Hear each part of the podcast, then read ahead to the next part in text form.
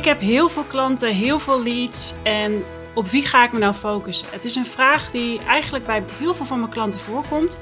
Of je nou meer in de beginfase zit van je bedrijf en je ziet heel veel mogelijkheden, je hebt vooral heel veel nieuwe klanten nodig.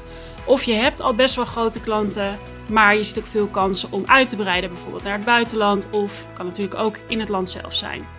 En op een gegeven moment komt dat punt dat je door de bomen het bos niet meer ziet, dat je denkt: ik zie zoveel mogelijkheden.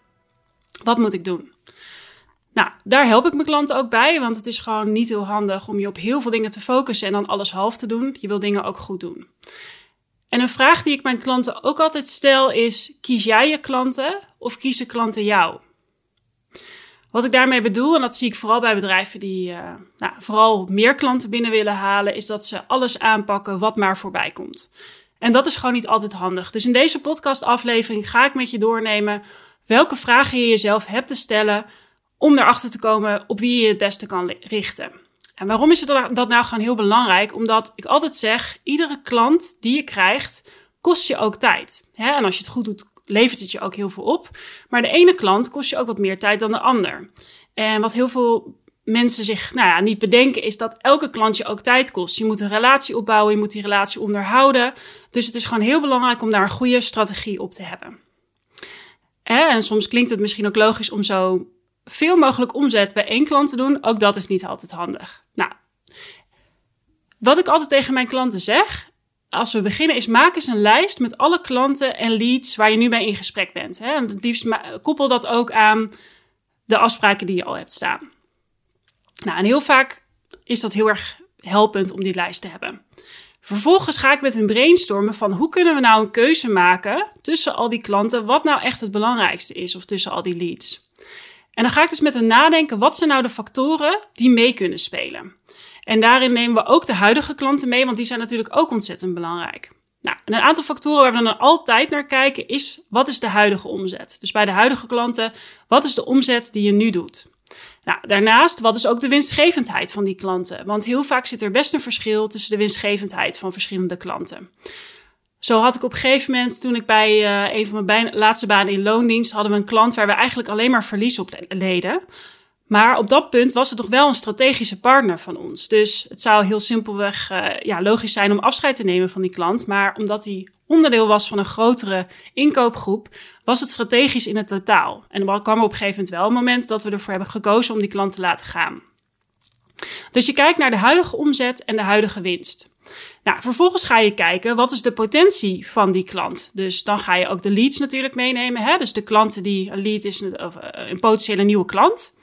En dan ga je dus kijken wat is die potentie van die klant. En het liefst kijk je niet alleen naar komend jaar, maar ook wat is de groei van die klant. Je ziet nu natuurlijk heel veel nieuwe retailers opkomen.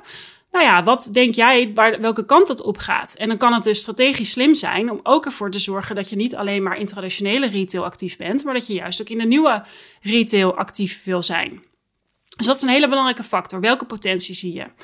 Nou, en dat is natuurlijk iets wat niet altijd makkelijk in te schatten is, maar er zijn zeker methodes voor waar ik mijn klanten ook bij help.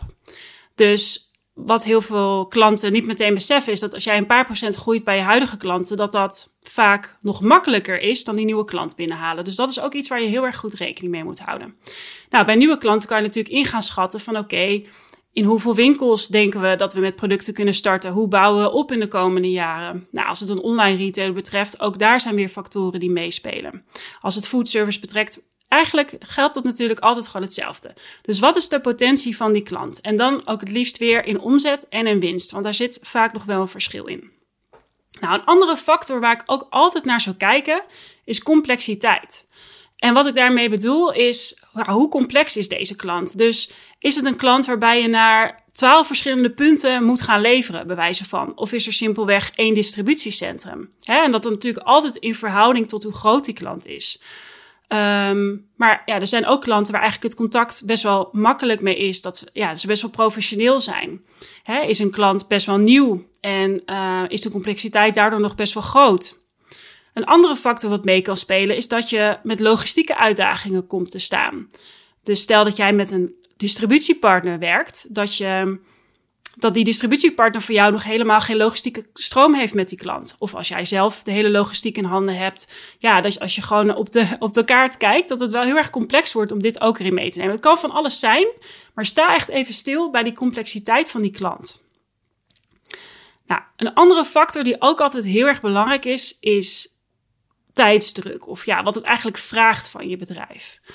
En dan heb ik het dus ook over, nou ja, stel je gaat een hele casus uitwerken omdat jij heel graag HelloFresh binnen wil halen. Laat ik hem even concreet maken. Of jij wil heel graag Gorilla's binnenhalen. Of je wil heel graag een, een klant in Frankrijk binnenhalen.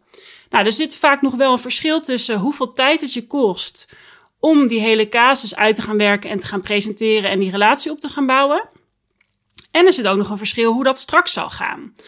Um, dus ik doe nu even aannames, want het is per bedrijf verschillend. Maar het zou heel goed kunnen zijn dat de logistieke stroom voor jou om aan HelloFresh te gaan leveren en daar een relatie mee op te bouwen, als je kijkt naar je huidige bedrijf, veel makkelijker is dan om dat op te bouwen in Frankrijk, waar je misschien nog helemaal niet zit. Hè? En dan heb je een, een taalbarrière, dan moet je waarschijnlijk met iemand daar gaan werken. Dit zijn allemaal natuurlijk, kunnen nuanceverschillen zijn, hè? dus het hangt heel erg van jouw situatie af.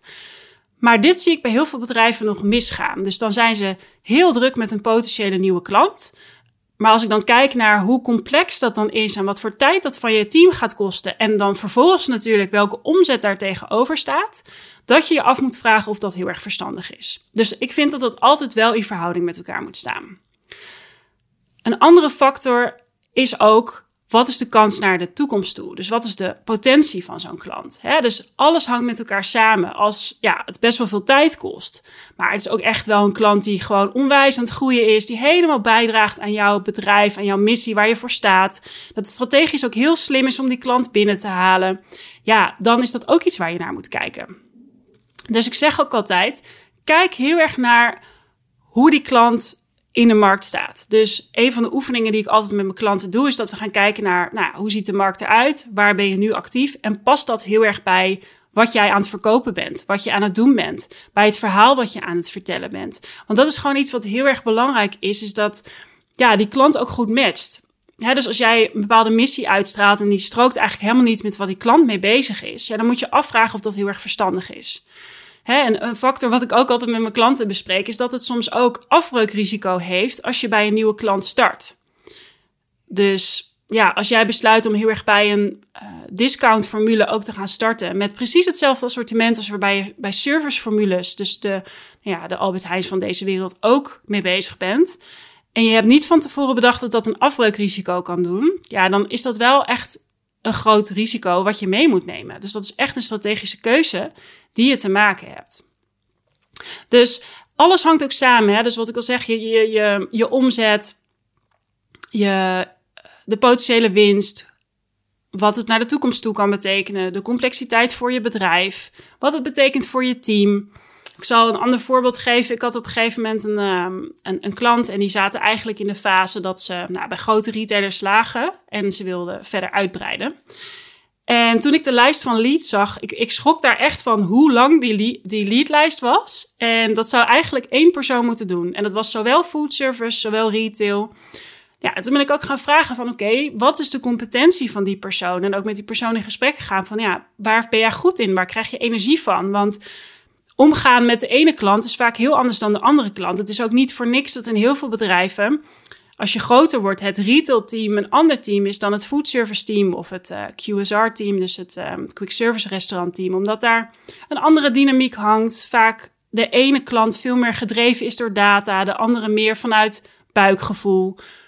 Dus dat is iets waar je heel erg op te letten hebt. En dan kan het zo zijn dat je zegt, nou, maar wij zien gewoon superveel potentie in deze klanten. En dat betekent dat we nieuw iemand moeten aannemen. En dat betekent niet dat je dat nu al moet doen, want het zou heel goed kunnen dat nu de potentie in het team is en met mijn hulp om die klant te gaan landen. Dat je wel dus iemand nodig hebt straks als die klant gaat starten, of eigenlijk natuurlijk daarvoor die dat verder op gaat pakken. Dus het is ook heel belangrijk om na te denken: past het bij de business die je nu aan het doen bent? Of moet je daar iets nieuws voor gaan maken? En is die ruimte er natuurlijk ook? Dus het is heel erg afhankelijk van jouw situatie. Maar ik nodig je echt uit als je merkt: oké, ik ben met mijn team. Eigenlijk heb ik een hele lange lijst met huidige klanten, nieuwe klanten. En ja, eigenlijk willen we allemaal doen. Maar als ik heel realistisch ben, Zou dat misschien wel kunnen, maar dan wordt het niet heel erg kwalitatief. Nou ja, daar sta ik sowieso niet voor. Of we moeten eigenlijk, ja, we gaan een beetje balletjes opgooien en hopen dat hij ergens valt. Maar goed, in mijn ervaring, ja, je kan met een verhaal naar een klant gaan, maar je wil er ook opvolging aan geven en je bent vaak niet in één keer klaar. Dus dat is ook niet wenselijk.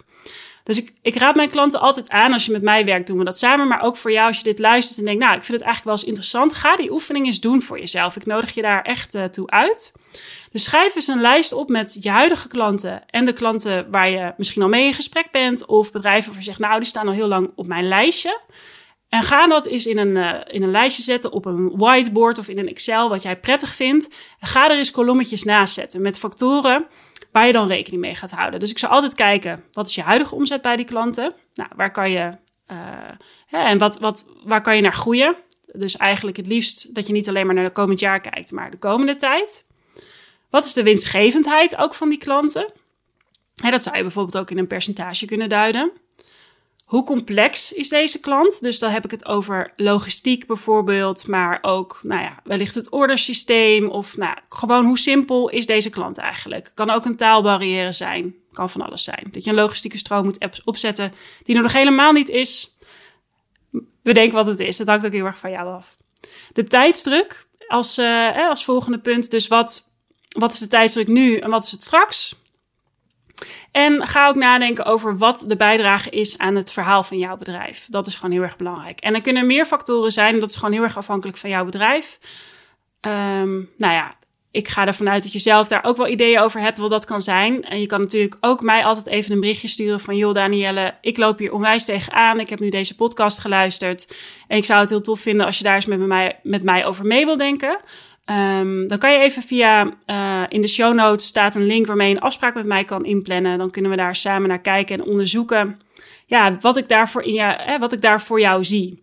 Ik help mijn klanten ook altijd met focus aanbrengen, met efficiëntie. Dus dan gaan we ook echt kijken van nou, hè, is dat iets waar ik jou bij kan helpen? Dat zo'n gesprek is vrijblijvend, ook vanuit mij. Ik uh, vind het heel belangrijk om ook vanuit mezelf te onderzoeken of ik het zie zitten om met jou te werken.